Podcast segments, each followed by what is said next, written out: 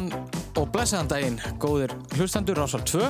Við erum komin hérna niður í stúdíó 12 þar sem að er að hefjast spurningaþáttur Rásarinnar heilarhistingur. Nú við erum að byrja aftur eftir smá hlje og erum bara virkilega spenntir að vera komnir aftur í loftið. Uh, ég heiti Jón Alfreð og er uh, spirill og, stjórnandi og með mér í dag eins og í undanföldum þáttum er með spurningahöfundu minn og stigavörður Helgi Hrapt Guðmundsson. Hann er stattur hérna inn í tæknimannabúrinu. Hvað segir þú gott í dag Helgi? Jú, bara miklar sóttvarnir hérna, ég er inn í glerbúri. Já, er það ekki bara, er ekki bara ágætt? Það er bara skynsalegt held ég. Já, ný upplifun og, og, og bara skemmtilegt. Já, þetta er, fæði smá innilokuna kent en uh, ég held að þetta verði allt í lagi. Við ætlum bara að fara að kynna hérna liðin sem að keppa í dag. Nú, mér á vinstru hönd hérna í Studio 12 er, já, við ætlum að segja lið leik kvenna, er það ekki? Jú, jú, það er, það er við. Það er Þurrið Blær Jóhannsdóttir og Lára Jóhanna Jónsdóttir. Já. Gaman að fá ykkur. Takk, Hvað gaman að vera komnar. Já, Mhm. hvað segir þið gott í dag? Bara mjög gott sko. Já. Og þú ertu þetta búin að vera eh, á skjánum hjá, hjá landsmönnum, Jú, jú. Jú, jú, þið þekki kannski röddina. Já, þetta var Ég ætla að vera sjálfumglaða leikbaran hér í kvöld. Nei, hér í dag.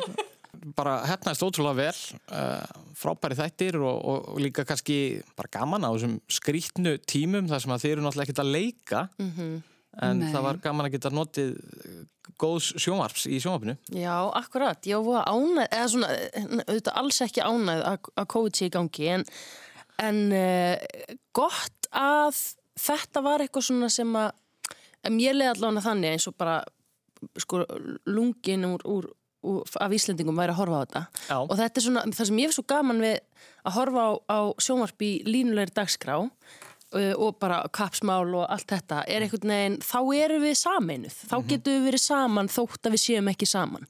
Og mér finnst voða gaman að kíkja á Twitter og fylgjast með fólki að fylgjast með. Já, fólk er búið að vera að spá einhvern veginn dauða línulegar dagskrár lengi en það verður svona ekki vera raunin sko. Allafanna, allafanna í, í þessum tilfellum þar sem að fólk einhvern veginn, þar sem er þessi gæða dagskrá í gangi, þá verðist fólk alveg hlamma sér fyrir fram að sjófið og Akkurat, og líka bara í þessu ástandi einhvern veginn, þegar við, við þráum að Já, vera saman. akkurat. Hérna, þú ert auðvitað annars í þjóðleikusinu, er það ekki? Nei, ég er í borgarleikusinu. Þú ert í borgarleikusinu, það, það er þannig, já. Já. Er ég kannski að, er að ruggli ykkur eitthvað, því að, Lára, þú ert Já. auðvitað líka Já. í leikusinu. Ég er í þjóðleikusinu. Já, það var þannig, já. Já. þannig að þetta var kórvilla hjá mér. Já, Rauninni erum við Já. óvinnir. Það Já, er mjög já. skrítið Já, já, að setja já. okkur Það saman í er, lið. það er ástæðan fyrir því að ég vildi fá ykkur sko, að því að ég vissi að þið væruð erki fjendur. Sko. Já, já, að, mikil samkeppni hérna milli. Já, þannig að við erum svona að reyna einhvern veginn, já, þetta er svona skemmtileg uh, liðseld sko. Annars Mm. vegar hérna mikil samheldni og mikil samkeppni líka. Það er bara frábært sko. Ég En ég meina, sama hjá ykkur auðvitað í þjóðlugursinu, ég meina það er náttúrulega, þetta er búin að skritin típar og allt þetta. Það er Já. náttúrulega búið að æfa mikið og þið verið flug æfð þegar það er að kemur. Nei, það er nefnilega máli. Það hefur ekkert mikið meigað, sko. Nei, nei, En kannski. núna reyndar, ég var til dæmis að koma beint bara úr hérna aðvendu vagninum.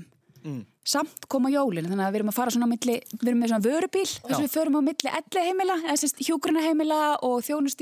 við og erum með smá svona jóladagskrá. Og fólk bara kemur út í úlpunum sínum og Er með kannski heitt kakó með frábært? sér og við erum með bara svona korters gleðidagskrá, sko. Ég er búin að vera að fylgjast með þessu. Þetta er svo ótrúlega kósi Já. og fallegt Þetta og er svo bara- ótrúlega jólalegt. Þetta er bara með því yndislegasta sem ég hef gert sko. Ég er bara, ég dyrk þetta. þetta er fallegt. Það er fólk er að breðast a- alls konar við og, hérna, og gera gott úr þessu. Það er bara frábært. Svo langar mér nú að kynna hérna, anstæðinga ykkar hérna í dag. Uh, á mína hæri hönd, hérna í Studio 12, það er, já við titlum ykkur sko, við titlum ykkur lið bardagalista fólks, ég vona að það sé svona nokkurn veginn rétt nefni ef að þið eru með betra nafn á liðið ykkar, þá bara endilega komið í að, en, en Er þetta ekki listamenn? Jú, jú, listamenn, ég myndi segja það, Bardagalistar. þetta eru bardagalistir, ég, það er sem sagt uh, Vernharð Þorleifsson, Yes. stundu þekktu sem Venni Power og auðvitað, já, gamall Íslandsmeistari og olimpíu fari í júdó Leik, leikari náttúrulega. og þú leik, já, já, já, já, Ég var að reyna að narra niður til okkar, sko. Já, já, það geta verið óljós mörk og óljósa línur hérna, það er bara þannig. Uh, og með þér er Sigrún Helga Lund, uh, hvað, starð og töl, tölfræðingur? Tölfræðingur, já. já. Og hvað, Íslands og Euromestari í uh, Jiu-Jitsu? Já, brasilísku. Brasilísku Jiu-Jitsu, já. já. Þannig að, já, bardaga lista fólk er svona það sem við, við erum að vinna með hérna. Uh, bara gaman að fá ykkur. Hvernig, hvernig hafið það? Rosalega gott. Alveg eitthilegt. Já, já, já. Uh, Vennið þú náttúrulega fasteignarsali svona, eða ekki? Dagstælega. Dagstælega, já. Auk þess að bræður ímis, já, bræður ímis hlutverk og, og hvað, séum þú starfar hjá Íslenskri erðagreiningu? Jú, jú. Það er vantilega búið að vera nú að gera líka þar? Jú, jú, jú, auðvitað. Já. já. Býtu, svo var einhver hérna, ég heyrði það frá blæja að þið hafið mæst, er það ekki, þú og Sigrun? Jú, við höfum keft einu sinni áður í, í líkamlegum bardaga, reyndar. Var hann í bæja? Mannst þetta því? Já, maður myndi það. Nei, reyndar ekki. Þá hefur ég skítapað. Ég, ég tapaði hann samt fyrir þér, eða ekki? Við vorum, semst, að, þetta var, við vorum að auðlýsa hérna, þegar hilsan er í slippmerkið og það er svo skemmtilegt sem hún gerir, hún, hann Helga Helikopter, hún er með svona á hverju minnsta sjómanadegi þá færum fólk til þess að hérna, fara út á svona planka. Þetta er eitthvað svona gömul íslensk barndagi þrótt með svona kotta við, við sitjum á svona, á svona bjálka fyrir ofan sjóin, bara á höfninni bara ískaldan sjóin og erum að lemja fór aðra með kotta þá getur önnur dettur ofan í sjóin og tveggja þryggja metra fjall, fall já, sko. já. og hérna Við Já, rústaður mér ekki. Sko, við mættust ekki one on one. Nú, var það ég ekki? Ég held ekki. Ég held að þú mætti henni dór. Já, var það? Ok, en þetta var allavega brútal. En við kynntust þarna. Þarna kynntust. Þetta er gömul íslensk barndagi þér Já, ég held það. Ég held það. Ég veit það ekki. Kottaslagur. Þetta var kottaslagur, já. En þetta er eitthvað svona sem ég held að hafi verið gert hérna þegar það var verið að reyna að skemta sér hérna í gamla daga. Þetta, þetta er alltaf nokkuð skona rímats Við lítum svo Þetta er nokkuð skona rímats Þegar ég vissi að ég var að fara að keppa múti Sýrunu þá, þá var ég rosalega hrætt því hún er rosalega ofurkonna og náttúrulega bara hvað, seinast bara fyrir nokkrum helgum síðan þá var ég að lesa fréttir eh, þar sem að Sýrun hleypur inn í sko hópslagsmál ah. sem voru að gerast nýri bæ. Já. þú veist, tíu menn eða eitthvað að sparka í einn mann. Já. Já, hún stoppaði á alla. Já, þannig bara svona Fór að skipta sér af. Nei, bara þannig ég held svona, hérna, hugrekkið og kefniskapi er ríkt þarna hinum meginn, þannig að ég bara svona... Þú ert basically í keppni við alla hérna, þú keppni við alla líka. Verður keppni við Láru. Hérna, ég læri sem er mikið keppniskap og það líka keppa við sko samfriða sér. En hérna, eitt varandi sko, þú er nú gammal olimpíu farið í júdó. Hvað var það? Atlanta? Atlanta 96. Já, hérna... Ég næ alltaf að koma þið inn í alla samræður. Já, já, já. Hvað varst þú að gera 96? Já, ég, ég, já, ég man eftir að hafa fylst nú eitthvað með þessu sem lítill drengur, en hérna hvað er það með Ísland og júdó? Ég meina við erum búin að senda sko alveg að hrúa, að hrúa af júdóköpum og þetta unnið velun, Bjarni Friðrik svona, hvað, hva, akkur júdó? Akkur er það svona vinsalt hjá okkur Íslandikum? Ég, ég, ég veit það ekki og, og ég veit ekki af hverju við náum góðum árangri aftur og aftur af því við erum bara við erum bara sker Er, er eitthvað svona bumbu júdó í gangi? Er þetta ennþá að fara í, í, í hérna, sloppinn og setja það í svarta beltið og þetta? Nei, ég ger það bara heima en ég, já, já, já, það er roleplaying en, en hérna það, já, já, þetta er hérna það er alveg í gangi, sko, það eru margir sem mætt það og sleppa þá kannski að, að glíma standandi fara í gólglímu og svona, já, já, já. svona meira bara siljandi einmitt, eins og Sigrún þekkir. Já, Herði, en við, hérna, nú erum við að kæfta svo mikið við verðum eiginlega að fara að byrja keppnina. Byrjum á hraðarspurningum þá og sko, við nefnilega höfum alltaf byrjað á laga þrennum þá heyrum við brot úr þremur lögum og þess að sikkvort liði fær sikkvort að laga þrennuna og við erum alltaf með ákveðið þema í gangi. Og í dag uh, er þemað lög úr kvikmyndum.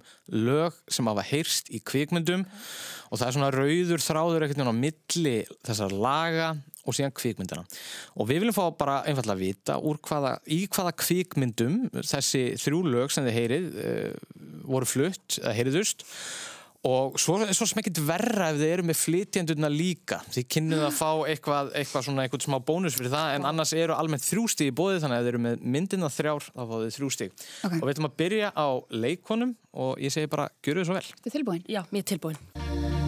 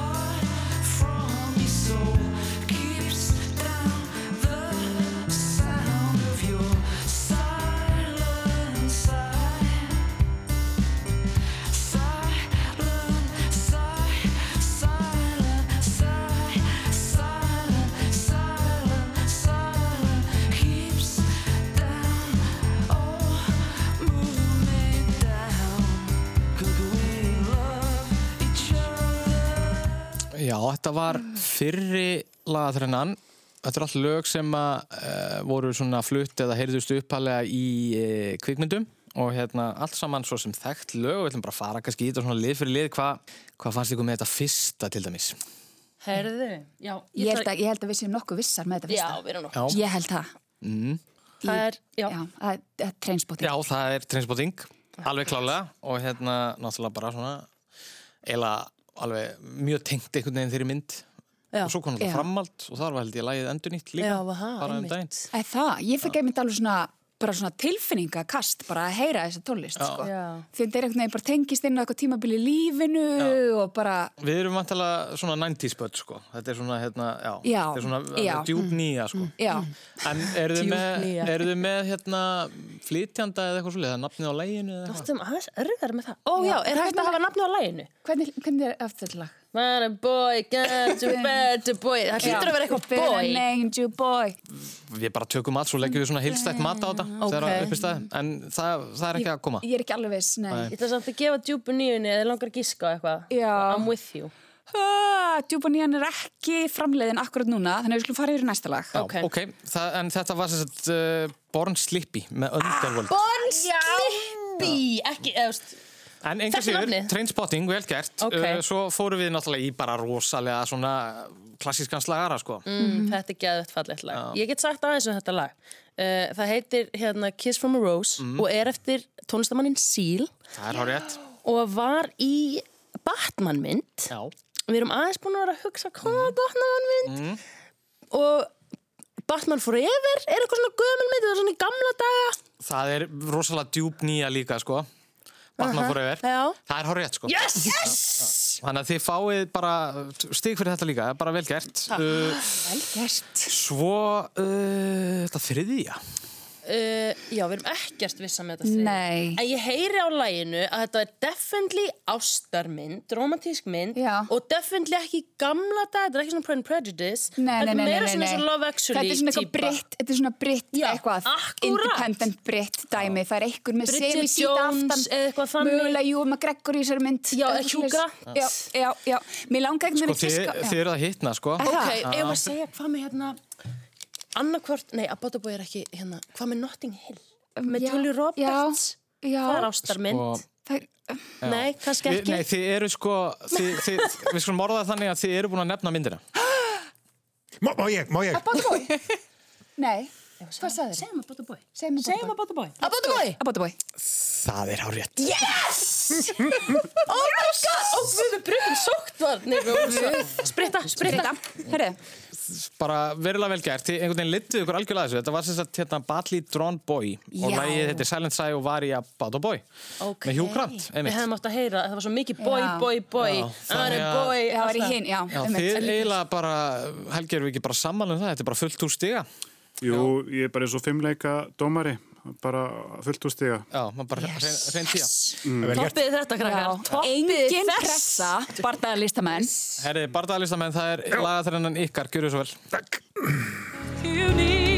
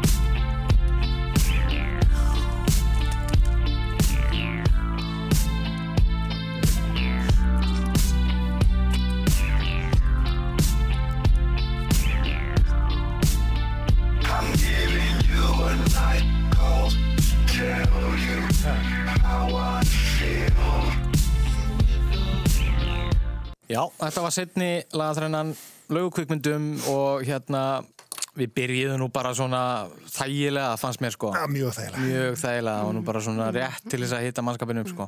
Er, þetta er, Þetta er steinleikur. þetta er. Já, þetta er eina, eina sem að ég vissi að þessu. Já, það mátt þú Þannig að segja ég fæ að svara því. Þetta var hérna bodyguard. Já, já, þetta var bodyguard. Whitney Houston. Whitney Houston, I will always love you, þetta er nú svona bara ymmit. Eitt stig, vel gert og svo heldum við áfram aðeins nær okkur í tíma. Má ég koma með fróðulegsmóla með þetta lag? Já. Það er eftir Dolly Parton. Já, þetta veist ég. Hún er búin að semja þið ansimörg. Já. Hún er dugleg. Þetta er nefnilega cover hjá Whitney Houston sko. Hún og Kurt Russell voru að koma eh, hérna fram í nýri mynd, jólamynd, Dolly Parton? Dolly Parton og, og hérna uh, Nei, nei, nei, nei, nei, nei, nei, nei, nei, nei, nei, nei, nei, nei, nei, ég er að ruggla maður, nei, nei, nei, Æ, Goldie Hawn, Goldie Hawn, Goldi Hawn, hún er svo frábær. Fróðlegsmórin en að Lári var betri. Jésús, sko, þetta var mjög gott. takk, Við erum með, við erum með eitt stig hérna, svo hvað segið þið með þetta næsta? Það var nú eitthvað... sko ég held, er þetta ekki kóumbræður? Hérna, bró, bróður verið allt það? Jú, það er bara hárétt, vel gert. já, Það er bara eitt stygg og þetta var úr, hérna, óbróði var arta og það er nú kannski ekki margi með þennan flytjanda. Þetta er uh, Soggy Bottom Boys. Það er auka stygg, tvö stygg og nú getið þið þá jafnað leikonur með því að negla þetta þriðja. Já, ég sko, ég fór á þá mynd í bíó og, og þarna og er ekkert inn í leikurum og ekki neitt og fór þarna með vinkunum minni. Og í þessari mynd er, ég er aftur búin að gleyma nafnun á honum, nú ljósarðu gaur, rosalega segðu bara, Dolly Parton, Já, allavega, oh, sem leikur Í notebook. Nei, Nei. Já, jú, að hann, ég man ekki hvað hann heitir Hann er, búin að gleyma það líka. Já, oh, hvað heitir hann? Þetta er Íslandsvinnur. Ansköttin Nú myndi ég sko, ég myndi klálega hjálpa henni, ég verði eiginlega að fá til Nafni fyrst, hún heitir Drive Það er bara hárið Já, já Það var Drive með Ryan Gosling. Ryan Gosling. Herri, ég var líka blackouti. Ég líka. Ég elskar Ryan Já, ég Gosling. dyrkan sko. Já, En heyriðið, þetta var bara frábær framistæða hjá báðum liðum, þannig að það er bara allt í átnum, staðan er 3-3, Oh damn. bara vel gert. rétt að byrja, Og þá ætlum við að færa okkur yfir í svo kallega stjætta spurningar sem að virka þannig að liðin fá sér sett, uh, spurningu sem að snertir starf anstæðingana. Og við ætlum að byrja á ykkur leikonur og þið fáið sér spurningum sem að, sem að snertir bardaðalistir og það eru, það eru tvö stíð bóði. Nú ef að þið klikkið þá eins og það færi svareturinn yfir og uh, Venni og Sigrun geta stólið einu stíð. Ok. En spurningin er svona, við ætlum að spyrja um sjálfsvarnar íþrótt. Hún er japansk, hún er ekki ósvipuð skilmingum en barist er með trésverðum eða bambus spjótum. Keppendur klæðast búningum sem saman standa af nokkuð skona brinju, buksnapilsi og hjálmi. En hvað heitir íþrótti? Já, kalli minn, þetta er nú ekkert mál fyrir mig því ég læri japansku í eitt ár. Já, Og þetta er kendo. þetta er vissulega kendo. Þetta er kendo. Vá, hver ána með þið blær. Þetta, vá, hvað ég var ég var með að vitlu sko, Í alvörni? Nei, þetta var nefnilega kendoið Yes. og bara virkilega vel gert. Og Ég ætlaði nú svona að bæta við móla að, að hérna, hann fjölmjölamæri Sölvi Tryggvason, hann hefur verið að kenna kendo. Þetta er, og ég held að það sé nú ekki mikið af kendo yðkendum á Íslandi en, en allavega hann er í þessu. Uh, Þið fáið þá sambarilega spurningu, bardaðalista fólk. Það er þannig að uh, stóru atvinnuleikúsin 2, þjóðleikúsið og borgarleikúsið, hafa á þessu ári fengið nýja leikústjóra. Og við viljum bara fá að vita hverjir eru nýjir leikústjórar borgarleikúsins og þjóðleikúsins. Já, svo mikið að vita býtur fór hann ekki hérna úr efstaleitinu, er kona komin yfir í, í hérna þjólikúsi ekki Er það hún Brynhildur? jú, Er það ekki? það er rétt, Já, það er svarið eru, Brynhildur, uh, og hún heitir, hún er er þið með fullt nafn? Brynhildur, þið með álega hjálpa, Ég ætla að segja pass við því. Það kemur, það kemur Ok, en- ok, Brynhildur, ég get nú svo sem gefið ykkur að þið eru alveg, alveg á réttum slóðum þar, Það sko. kemur, það kemur Eftirnafn er alveg að koma, það kemur Og hvað séð með hinn leikústjóran? já, það er annan nafn, Þetta er vandræðilegt Þetta, ég er ánægði með, þetta er svona, það er svona mikil átök í þessu, sko. Þarna, ég finnst Sko, að það heiti Magnús Já, þið voru nú eitthvað, hérna, Þið horfið okkur, ég, ég er svo lélega að vera með pokerface. þið voru nú eitthvað svona Venni, þú varst nú svona eitthvað að, að já, varst nú eitthvað að fara rétt að áttatna á hann Hvað, hvað átt fór ég? Þú varst að tala um að einhver hefði farið einhver stað Já, hann hann var, hann var, hann hérna í, í astaréttinu. Ari, nei, nei, nei, nei. Mér heyrðist þetta bara ekki vera að koma því miður sko. Þið, þið eru samt með rétt þið, þið, listina. þið, eru með, þið, eru, mm. þið eru með þetta en samt ekki Og þetta er svo erfitt þegar maður er í þessu Þetta hefur svo oft verið sagt við mig á djaminu. Já, Og svo með þetta, en samt ekki, bara sorry. herði, uh, hvað segir þið stelpur við liði hérna? Heyrðu, Já, mi- minn borgarleikustjóri í, í, Nei, minn leikustjóri í borgarleikusinu Það er Brynildur Guðjónsdóttir. Guðjónsdóttir. já, og í þjóðleikúsinu er Magnús Geir Þór. Magnús. sem að var í, Þið í voruð alveg með. Voruð alveg með? Já, en það sem ég fekk ekkert um að Brynhildur og Ari á einhvern veginn geti ekki gefið þú sagði Magnús. Já, reyndar kom Magnús Já. Magnús og fyrst en En uh, herrið, við höldum þá áfram. Já, kannski bara koma að stöðunni. Já, og það er smá hérna, sveifla það er smá sveifla. Leikonu leiða núna með 6 stegum á móti þremur en það er nóg eftir í pottinum. og það því sögðu þá ætlum við að henda okkur í fyrri valflokka umferðina nú fáið þið sér að, að velja og þið eru með blöð fyrir framanangur sem stendur á einn og þetta er uh, það er fyrri valflokkan sem er snúa því blaði við og það eru leikonu sem að byrja á því að velja og svo fá uh, Venni og Sigrún að, að velja á eftir okay. uh, og það sem að valflokkarnir sem eru í bóði hérna eru íslensk hlaðvörp íslenskar glæpasugur dönsk dægurtónlist eða íþróttafélög út á landi Íslensk hlaðvörp, íslenska glæpasugur dönsk dægurtónlist eða íþróttafélög út á landi og hvað segið þið með þetta?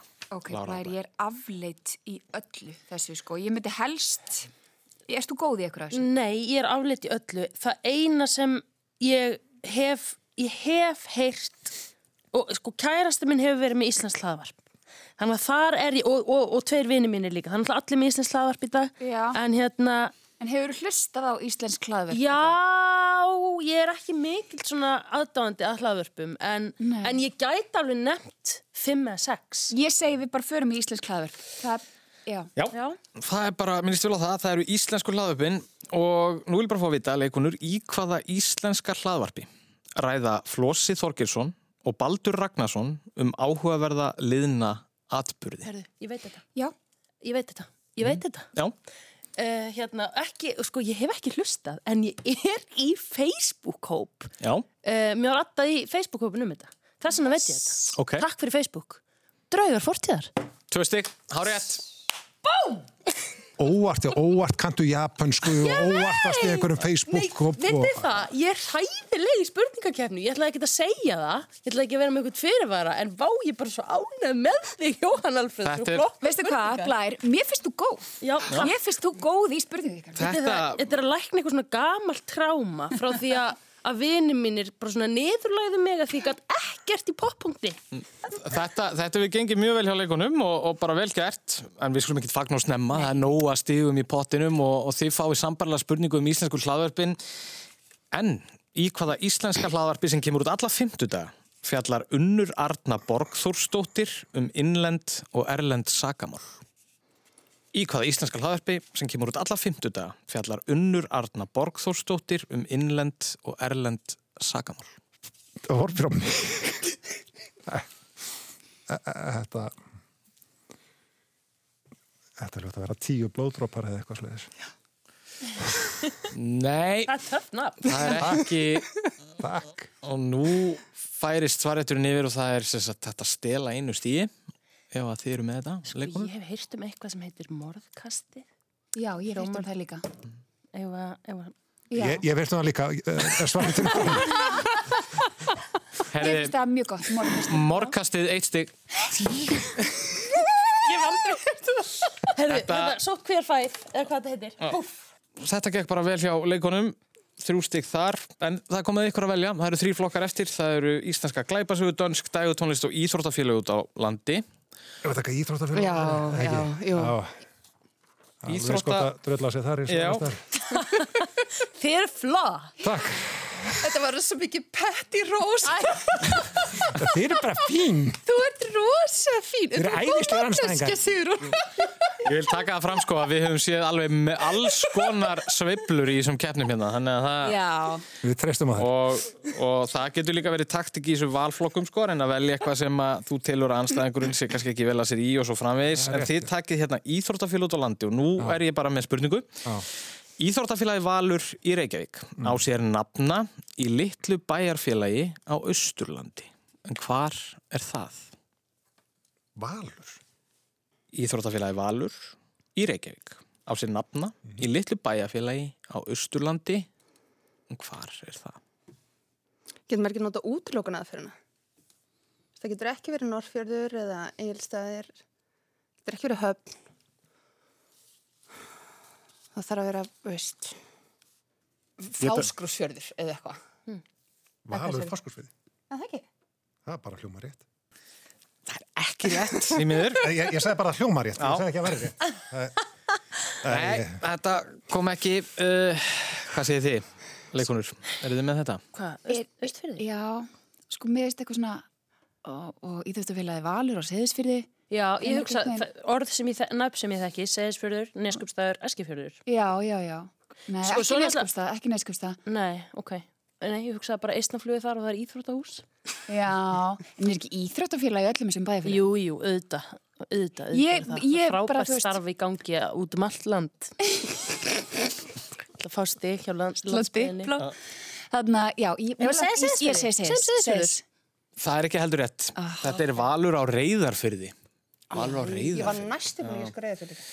Herði, uh, þið fáið sambarilega spurningu Íþróttafélagi reynir í Sandgerði á sér nafna í litlu bæjarfélagi á Norðurlandi Hvað er það?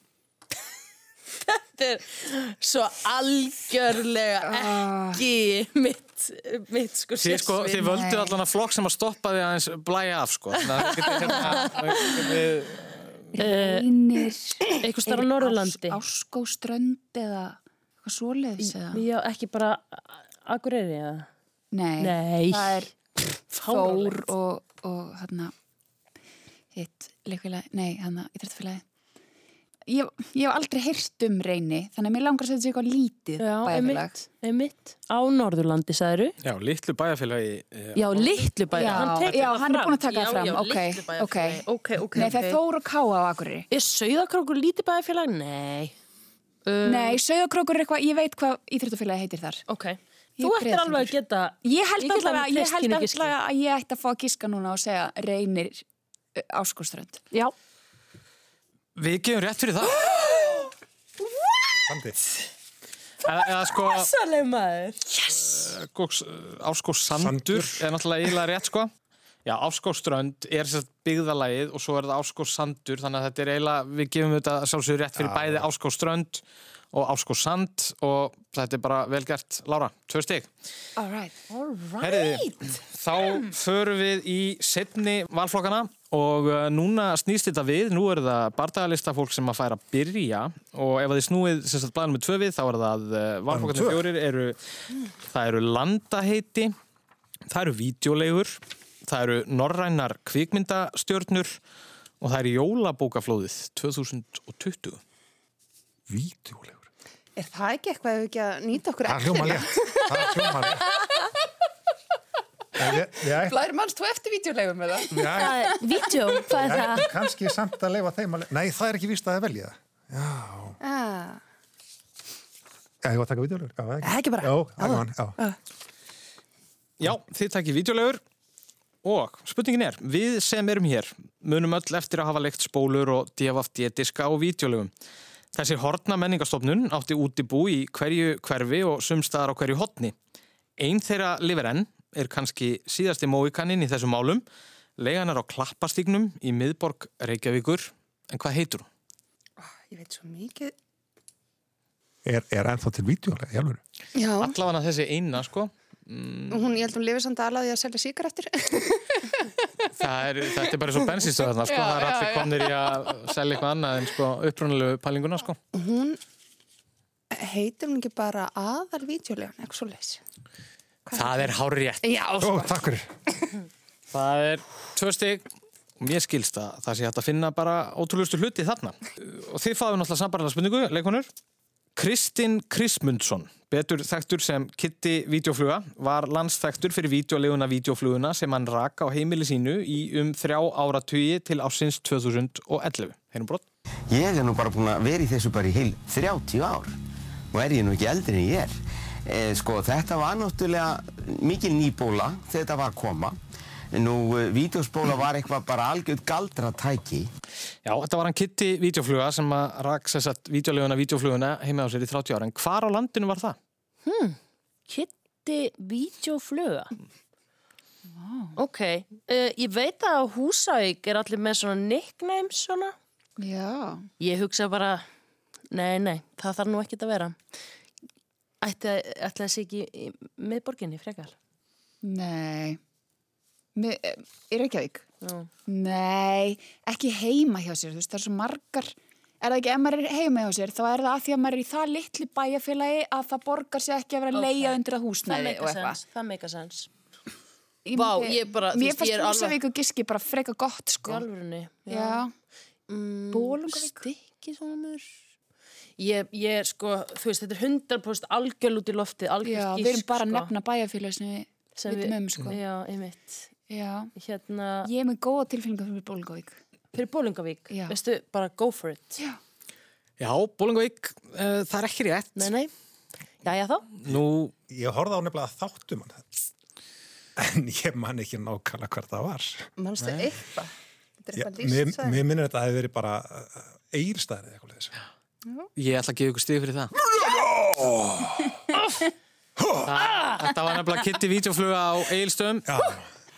Það, já, já, þá er nú smá... Þið eru að koma tilbaka, það er bara þannig.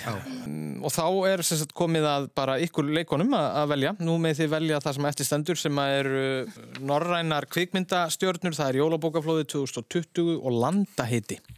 Norrænar kvikmyndastjörnur, náttúrulega kollegar okkar Já.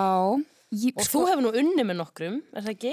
Jú, jú, einmitt út í Danmörku. Já. Jú. Ég er samt einhvern veginn sko spenntari fyrir landaheiti eða jólabókaflöðun. Ekki Landaheiti nema að sé sko áfengi landi. Þá bara, nei takk, ekki landaheiti fyrir mig. Ok. Eigum að, þú ræður. Að Ræð ég? Já, þú ræður. Ég ert þú svolítið lestrarhestur? Uh, nei, en, en ég las bókatíðindi. Nú, heyrðu, veljum það? Ok, það kom pressa á mig. Og við erum nú bara svona, í, nú erum bara stönd á þeim tíma að fólk er farið mitt farið að skoða bókatíðindi og farið að skoða hvað á að vera í pökkunum um jólun og svona. Þannig að við erum bara með svona, já, bara til dæla einfalda spurningu. Uh, hvaða reytuöndur gefur út skáldsöguna dýralíf nú fyrir jólinn? Það er auður afa. Já. Þú, þú ert rosa viss. Ég Þetta er bara því. hárétt. Vá! Tvösti, auður afa, það er auður afa sem að gefur út dýralíf fyrir jólinn. Má ég koma með smá fróðleiksmóla eða meira svona móla frá uh, mínu lífi? Að því við erum að tala um hérna bókatíðindin. Sko, og ég voru ánað við völdum þessa spurningu af því að, af því ef afi minn er að hlusta þá hérna, hann hefði orðið fyrir miklu rangt, við höfum haft rangt fyrir okkur. Við vorum með svona leik heimi á mér að hérna uh, maður sem sagt á jólunum hjá afa þá hérna skoðum við uh, jólabókatíðindi. Og svo maður að leika einhverja bók. Og það eru allir svo vel að sér um allt jólabókaflóðið í minni fjölskyldu fyrir þetta mig að hérna, fólk gæti bara gískað þið viti, maður bara leika dýralíf eða hvað það er. Bara svona skemmtilegu leikur ef ykkur langar að finna nýjar hefður um jólin. Þetta, svona, svona fór fólk að hann á Netflix kom sko. þá var hérna var allir að, voru allir að redda sér sko. Hljómar ekki skemmtilega getur verið búin gaman Ég nenn ekki að lesa þessa bókn en einhverja leikana fyrir mig. Þetta er skemmtilegt uh, Herriði, Venni og Sigrún þið fáið sambarlega spurningu hvaða rithöfundur gefur út skáldsöguna fjárvera þín er myrkur nú fyrir þessi jól Þú mátt svara þessari. Myrk. hvaða rithöfundur gefur út skáldsöguna fjárvera þín er myrkur nú fyrir þessi jól Já. Þið eru ekki búin að renna í gegnum bókatíðindi eins og Lára Nei. Ég, Nei. Ég uh, ekki að Kristín, einhverna minn. Nei, Nei, nei. það er ekki Ég er ekki með þetta. Sko. Þetta er ekki að koma uh, hér geta leikonur stólið einu stíi Ó, það eru alltaf gaman maður. við erum byrjað að hoppa á gleði Ok, blæð, þú tekur þetta. Já, þetta nefnilega, þetta veit ég því þetta er hann vinnu minn. Ég leik í, í leiksýningu sem að sem að hérna bara heiti himnar ekki helviti og það er hann Jón Kalman Stefánsson Það er bara horrið. Það er eitt stig vel, Vel gert. gert. Hva, hvað segir Helgi? Hvernig er staða núna þegar við ætlum að fara að fara í heila brotið réttur auðlýsingar? Jú, ég ætlaði nú bara fyrst að segja að ég skuldaði eins og 400 skall á aðalvídeolegunni. Skilaði spólunni mjög seint. En, það, Gila spólu, það var nú meira rugglið. en, en eftir skulda uppgjör fekk ég að borga 5.000 kall. En, Það er nú bara betri niðurfelling en sást bara hérna eftir hrunnið, sko. En þetta var ein, reyndar rétt eftir hrun, sko. En hérna, ég, staðan er 14.6, en það er nóg eftir. Það er nóg eftir. Herriði, og þá ætlum við að fara í svo kallar heilabrót og við ætlum að fá að hugsa það á meðan við förum hérna í uh, auglýsingar. Uh, heilabrótið að þessu sinni er bara þannig að við erum að leita að orði og þetta er orð sem að saminar þetta þrend. Hvaða orð saminar þetta þrend? Kvikmynd eftir Lars von Trier, skáldsögu eftir Fjótor Dostojevski og íslenska bók sem kom út á dögunum en hún er byggð á samnendu samfélagsverkefni á Instagram. Þannig að, hvaða orð saminar þetta þrent? Kvikmynd eftir Lars von Trier, skáldsögu eftir Dostojevski og íslenska bók sem kom út á dögunum en hún er byggð á samnendu samfélagsverkefni á Instagram. Og við ætlum að henda okkur í stuttarauðlýsingar og heyrumst aftur eftir stuttastund.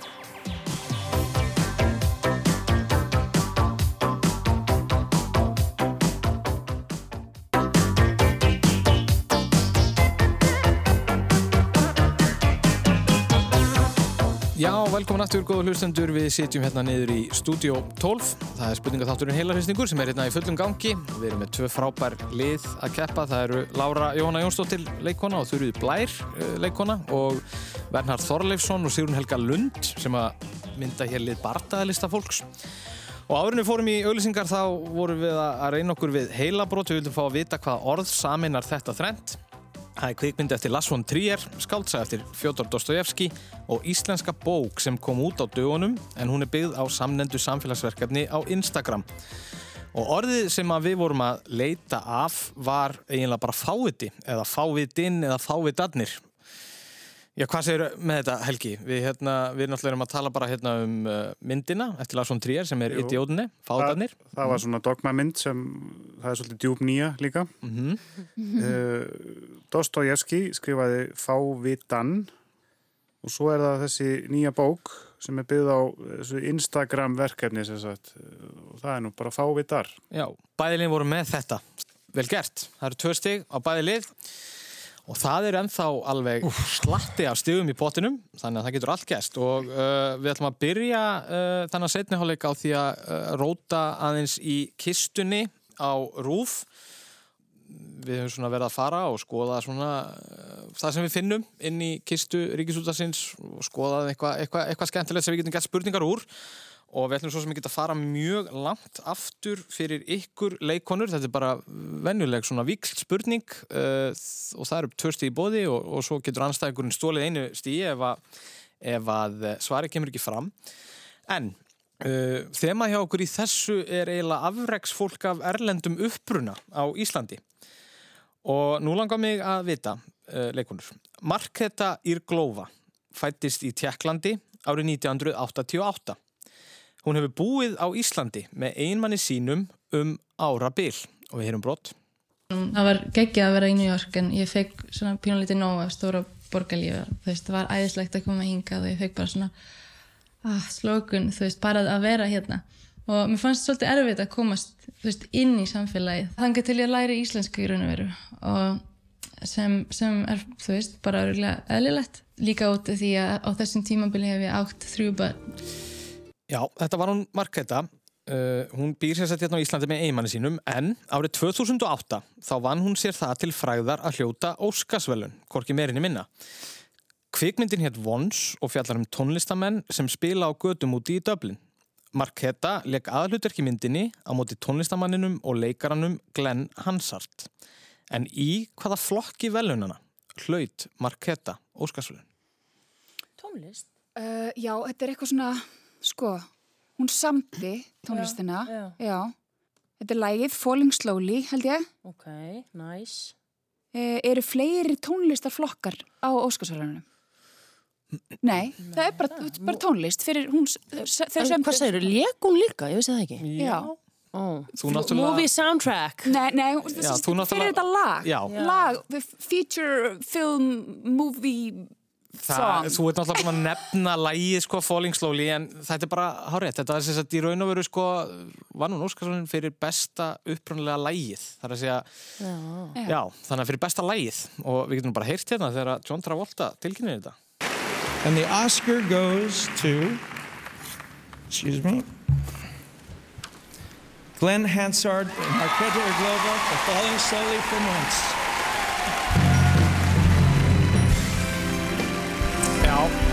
Næs. Býtu, en ef að við... þarna heyrum við lægið sko Já. Já.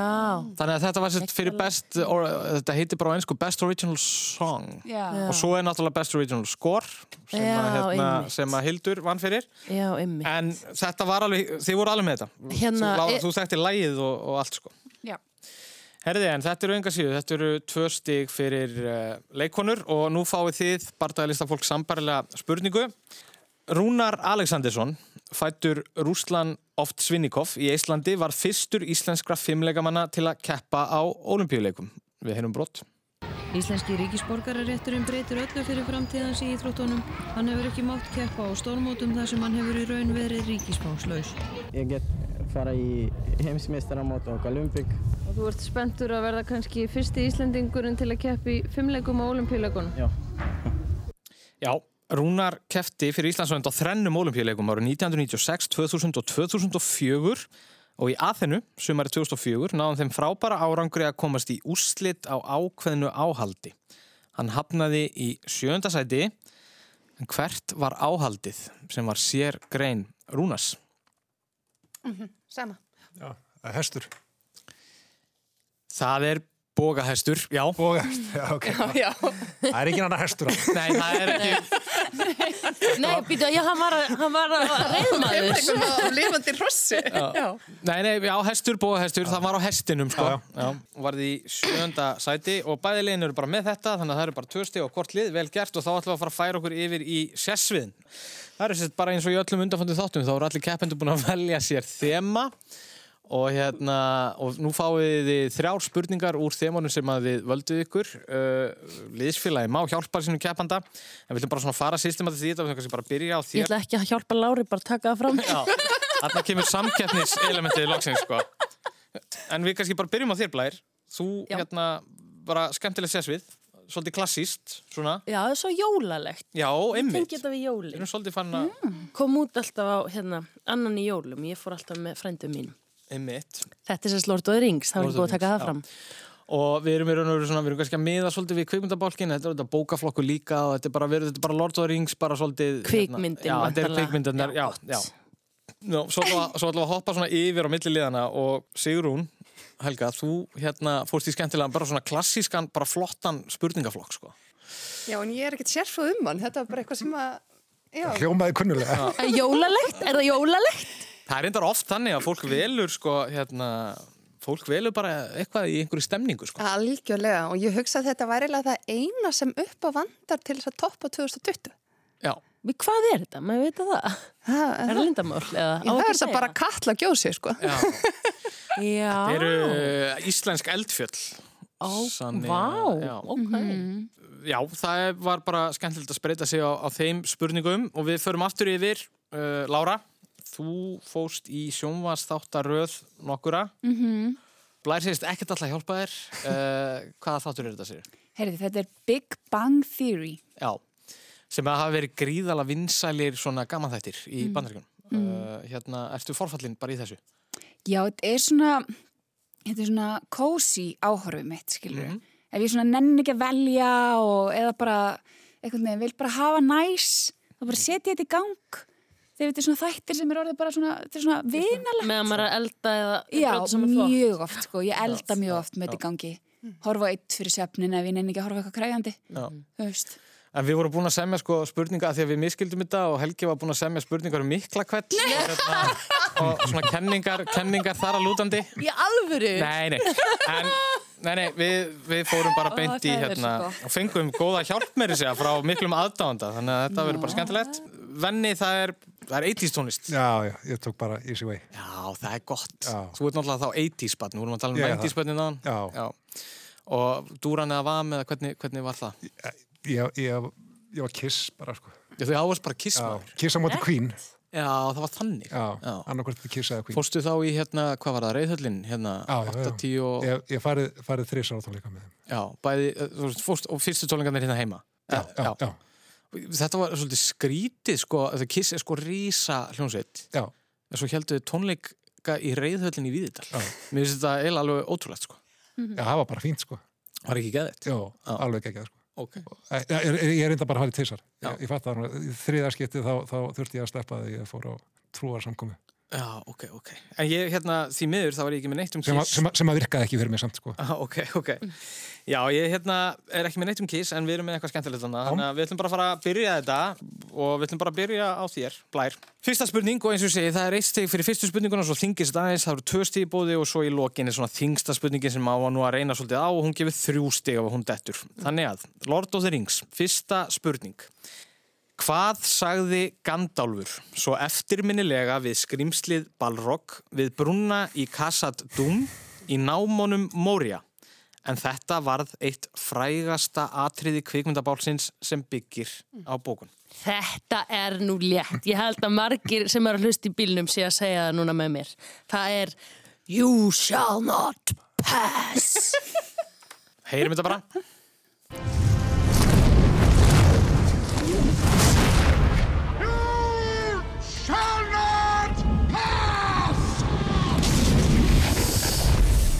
Já, þetta var hárétt. Geggjuð lína, sko. Þetta Já. er eiginlega, sko, Lord of the Rings er ekki beint mitt sérsvið, en línur úr Lord of the Rings. Já.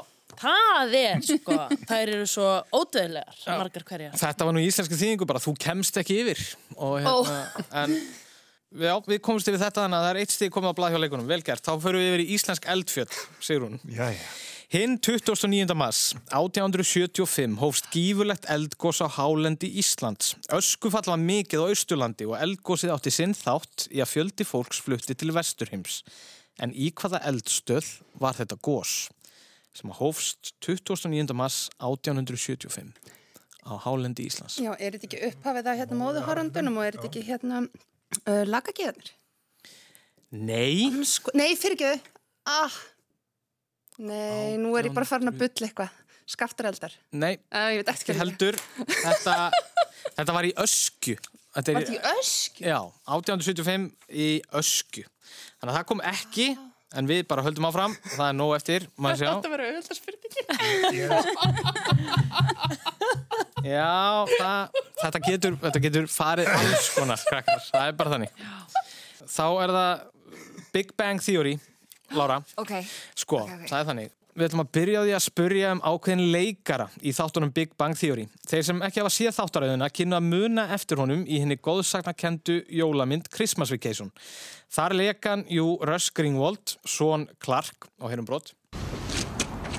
You want something you can be proud of, don't you? Yeah, I guess so. Sure you do, I think you might be overdoing it, Dad. Russ. When was the last time I overdid anything? Já, þetta er náttúrulega frábæð mynd. Þarna heyrðum við í honum sem ungum dreng en leikaraferillin fór þess að ekki raunverulega á flug fyrir en eftir hann tók að sér hlutverk Leonard Hofstadter í þáttaröðinni og hefur hann undanferðin ár verið einn hæst launaðasti leikari í sjónvarpi. En hvað heitir þessi gethekki leikari sem leikið hefur Russ Greenwald og Leonard í Big Bang Theory? Hann heitir eh, Johnny Galecki. Já, Ekki? Jó, það slætar Johnny Galecki. Já, Galecki. já. Já, ég sagði Galecki. Það er eitt stig. Æði? Ég held að þetta ætti að fara að vera spurning um eitthvað allt annað. Já, æðislegt. Já, hérna er þetta ekki bara flottur í þessum þáttum ég hef ekki séð mikið af þessum þáttum en hérna mann vel eftir honum sko sem Russ Já, ég vissi ekki þessa Eh, tengingu. Þetta var- gaman að heyra þetta. Já. Gaman að þessu, þá ætlum við að fara í 80s tónlistina og þá byrjum við á venna hérna sko, það er nú þannig, við ætlum svona smá tenging við ætlum að fara í svona létta uppbytun Ok. því að hérna, nú var það þannig að í vikunni þá fjall frá Merkur knæspindumæður það var hann Maradona. Og talandi um uppbytun þá fór að ganga rosalega frækt vídeo af honum að hita upp. Og það var þetta hérna lag sem var alltaf í gangi það var í gangi í uppbytunni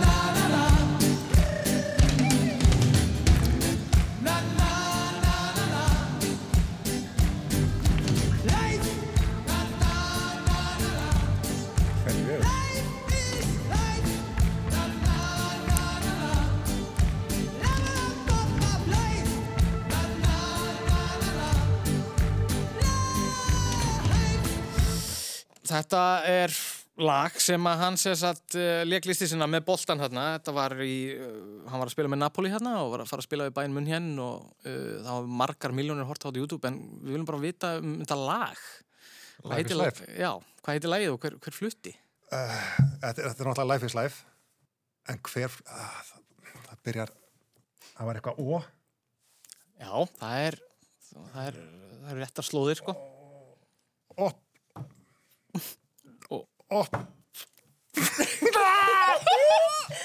Sigur, næst þú ekki með þetta? Opp, hver, hver, hver, hver er opp? Ó, ó, ó Opus Klassi. Þetta hvað? Yes!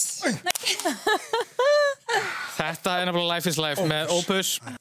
Þetta, þetta, þetta, þetta kom, það er, uh, það er eitt komið á blað hérna hjá Bardalistafólki og uh, við bara höldum áfram, við ætlum að fara í aðra spurningu og við förum aftur blær, það er Lord of the Rings. Hún er skóarálfur og drottning í Lóriens landi. Maður hennar heitir Celeborn, en um hvaða konu er rætt? Lady Gala- Galadriel. Tvö stig, há rétt. Galadriel. Lady Gal ég segi þetta alltaf ennsku. Galadriel. Love the Galadriel. Og þá er það Sigrún, við förum í eldfjöllin. Er- Það er enginn sé jafn mikið eftir. Já, bara af hverju sagði ekki Lord of the Rings? Þetta er allt í góðu, við hérna Þetta við komumst í gegnum fyrstu umfyrirna krakkar, þetta er alveg í góðu. Herði, á síðustu árum hefur eitt stærsta eldfjall Íslands látið minna á sig með jarðskjáltavirkni og landrisi. Eldfjallið er undir jökulhettu og er stór askja fjallsins full af jökulís En það hefur aðeins gósið tvísvar eftir landnám. Fyrst árið 1362 þegar blómleg sveit í grænt þess, litla hérað, laðist í eyði vegna einn stærsta goss á landinu síðustu 10.000 árin. Minna goss var svo árið 1727. En hvert er eldfjallið? Ég held að þetta sé örafajökull. Það er hár rétt. Tvö stygg. Þú Já, þurfti já, já. bara erfiðari spurningar. Já, þannig. nefnilega. Já. Tvö stig, vel gert og þetta var öruvíkut sem að fólk er farið að hafa einhverjar ágjur að þessi líka rumska þetta er alltaf rumska þessi kerfi hjá okkur Æ, sko. 2020. Ég er að segja 2020 og aðfangadag, þá mun þetta bara allt segja þetta. Þá förum við yfir aftur á leikonur og það er Big Bang Theory, Lára og við ætlum að halda áfram að tala um hann Leonard uh, sem við vorum að tala um í fyrstu spurningunni og við erum bara með einfalda spurningu af hverju heldur Leonard aldrei upp á ammali sitt? Mm, mm, mm, mm. Það var að því að, sko, það, ekki, það var ekki haldið upp á ammæli heima hjá honum. Já. Það var eitthvað svona, sko, þau skilu rítgjörðum eða eitthvað, í staðin fyrir að vera með ammælisgjafir. Það var eitthvað svona þannig. Og þau skilu rítgjörðum og fengu engun fyrir það, veist, til fóreldra sinna. Það var eitthvað svoleiðis, eða voru það jólin? Þú ert á réttum slóðum, sko. Já, sko mammans var mjög erfið og, já, Sko, fjölskylda Leonard vildi sagt, eh, frekar fagna sko afregum uh, og árangri frekar en einhverjum ammælistöðum. já, En þú varst að dela mjög heit sko. Mm, Þetta já. var eiginlega alveg þarna sko. Já. En Já. þetta slætir ekki, þannig að það kom ekki við höldum áfram og uh, þá fyrir við aftur til venna. Uh, það er 80s tónlistinn og við ætlum að spyrja um íslenska hljónsitt. Hún var frá Akureyri, hún starfaði samfellt á árunum 1981 til 84, kom meðal hans fram í Rocky Reykjavík Bara og gaf út, ef við ekki að heyra brot hérna. Já. Já, sorry.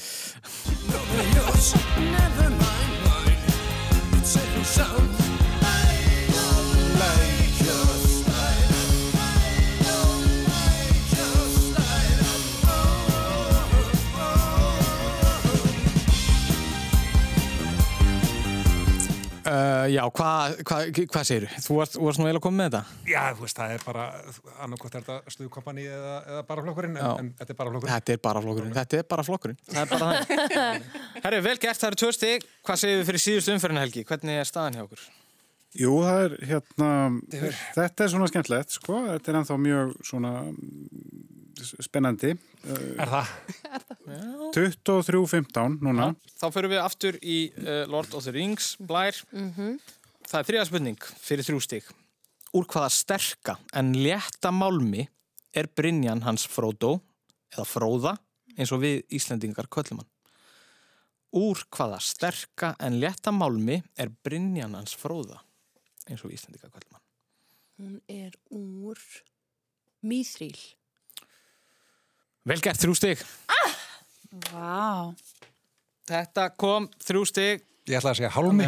Það er, Það er mjög lettur. það er, full, það er fullt hús hjá Blæ í Lotto Rings. Vel gert. Ég elska Lord of the Rings. Uh, herru, við förum í eldfjöldin, Sigrún. Árið 934 varð eitt allra mesta eldgós Íslands eftir landnám þegar 70 km löng gós sprunga tengd eldstöðakerfi Kötluhofa gjósa. Gríðalegt hraun rann alla leiti sjáar í Altaveri. Ekkert var þó vitað um þetta gós fyrir Þorvaldur Tórótsen, náttúrufræðingur, lísti því í bók í lok 19. aldar. Talið er að gósið hafi haft áhrif á veðufarum allan heim, uppskerubrestur varði í Evrópu og heimildir eru um að vötn hafi frosið þar sem nú er Írak þeim hlýja stað. En hvað er þessi gós sprunga kölluð? Þetta er sem sagt árið 934. Þetta verða tólstega spurning. Sko. Þarna Og þetta er þarna hjá köllu, já. Kötlu og þetta er löng. Uh, Þetta er 70 km löng gós sprunga. Já. Og spurningin er hvað hva heitir gósið? Nei. Hvað heitir gós sprunga? Góssprungan. Já. Nú mann ég bara, veist. ég er bara... Ég sko, ég neyji mig ef þú getur þetta. Já, ég þarna... Veistu, ég ætla bara að giska eitthvað. Mm. Ég ætla bara að segja elgjá. Þrjú stig. Herri, það er, uh, það er fullur fartur hérna í sessviðunum, það er bara þannig. Og þá förum við í þryggjastega spurninguna, Lára, um Big Bang Theory. Já. Ok. Chuck Lorre, uh, upphásmaður og einn aðal framleiðandaði Big Bang Theory er frægur fyrir að byrta stuttan texta og hvítum grunni í blálok allra þáttar sem hann kemur nærri í setni tíð. Tekstin hangir aðeins á skjánum í augnablík svo að ógerningur er að lesa hann nema þátturinn sé tekin upp og sett sér á pásu.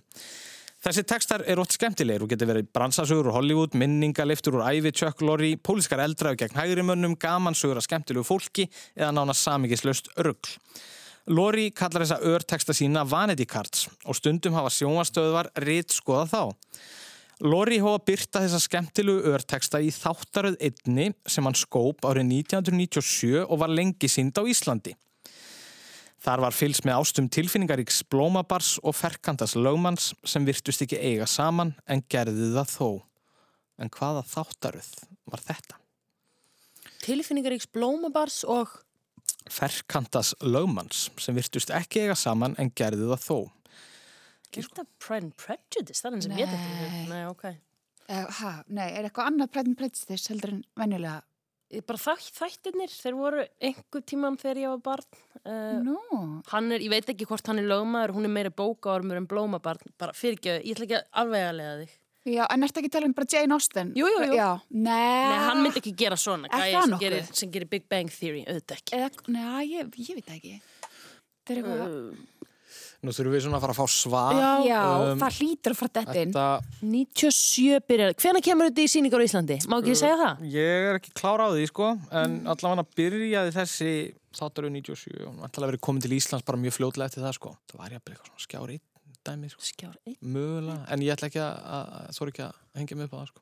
Þetta er smá húkur, við erum alltaf komin aðeins út fyrir Big Bang Theory, en þetta er, uh, Já. þetta er meistæri Chuck Lorre, sko. Já. Má- Þetta er Chuckarinn eins og hann er gerist bestur. alveg, ok. Má ég giska það að klika? Já, en sko, en við- þið þurfum að koma Já, með það. Lára, Ég, nei, ég veit þetta ekki. Ok. Ég bara veit þetta ekki. Ok, þetta er ekkert þetta. Hvað segir þú, venjast um þetta? Mitt eftir bara í hug hérna Mad About You. Nei. Ah, Nei, þetta er, þetta, uh, Dharma and Greg. ah. Dharma and Bread. Já. Ég, Þetta er eitthvað ævaform. Já, já, þetta ringi bjöllum hjá mér. já, Ég horfði aldrei á það. ég skal við ekki hana, ég horfði ekki Ég veit ekki, ég veit ekki. En hvað um það, þá hérna förum við aftur yfir á barndalista fólk og það er síðasta spurningin í sérsviðunum og hún verður borin upp á venna eh, og við, að þetta er 80s og það er náttúrulega maður hérna í húsinu sem að er bara, hann er bara 80s kongurinn og var með hlaðarp sem heitir Gleimtar Perlur áttunar og það er hann sem allra ber upp spurningun á þig þannig að við skulum heyra aðeins í honum Þórði Helga, gjör svo vel. Já, Takk fyrir það strákar, spekingurinn, Sæll Vernharð, Þórður Helgi hér. Það er 80s tónlistinn og nú ætlum við aðeins að fara út í smá hvað ef sakfræði. Ertu tilbúin í þetta? Já. Ha. Óumdeildur konungur fjölskyldu og úlingamynda áttunar eða 80s var auðvitað John Hughes. Vacation myndirnar Pretty in Pink, 16 Candles, Ferris Bueller Day Off, Planes, Trains and Automobiles og að sjálfsögðu Breakfast Club. Já. Og þar var aðal lag myndarinnar auðvitað þetta hér.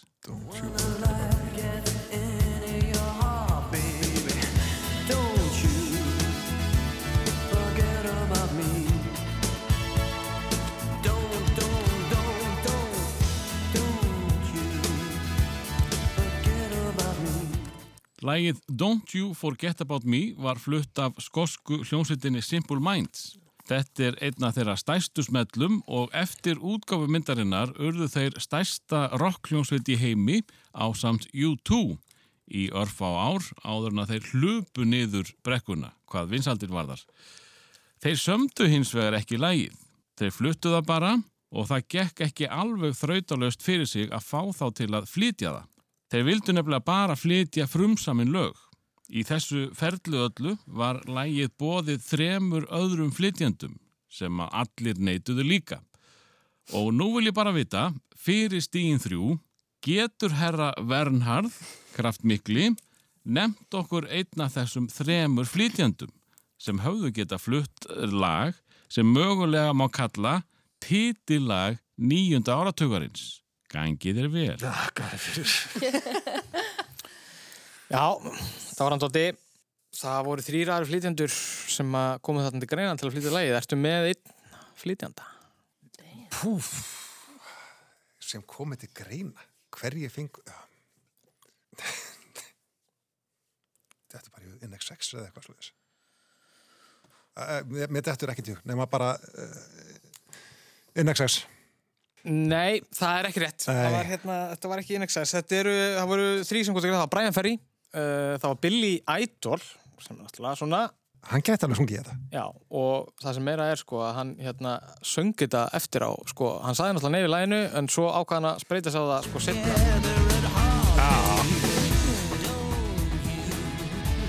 Forget about me og já, þetta var Billy Idol og svo var það söngarinn í The Fix. Þannig að það hefði verið gefið rétt fyrir hann hvort. Brian fer í Billy Idol eða The Fix en það kom ekki. Herði, en þá er þessu bara lokið hjá okkur í dag. Uh, Vernhard Þóleisson, Sigrun Eka Lund takk fyrir að koma. Og leikonur Lára Jóhanna og Þurfið Blær, frábært að fá ykkur. Helgi, hvernig endaði þetta hjá okkur? Þetta enda með því eftir hann að leikonur eru með 26 stig en bardaða lista fólkið með 18. 26 átján til hamingju með Sigurinn leikonur, ég ætla að fara að senda ykkur út í daginn. Uh, bara frábært að fá ykkur öll. Takk fyrir okkur og við heyrumst að viku liðinni. Takk fyrir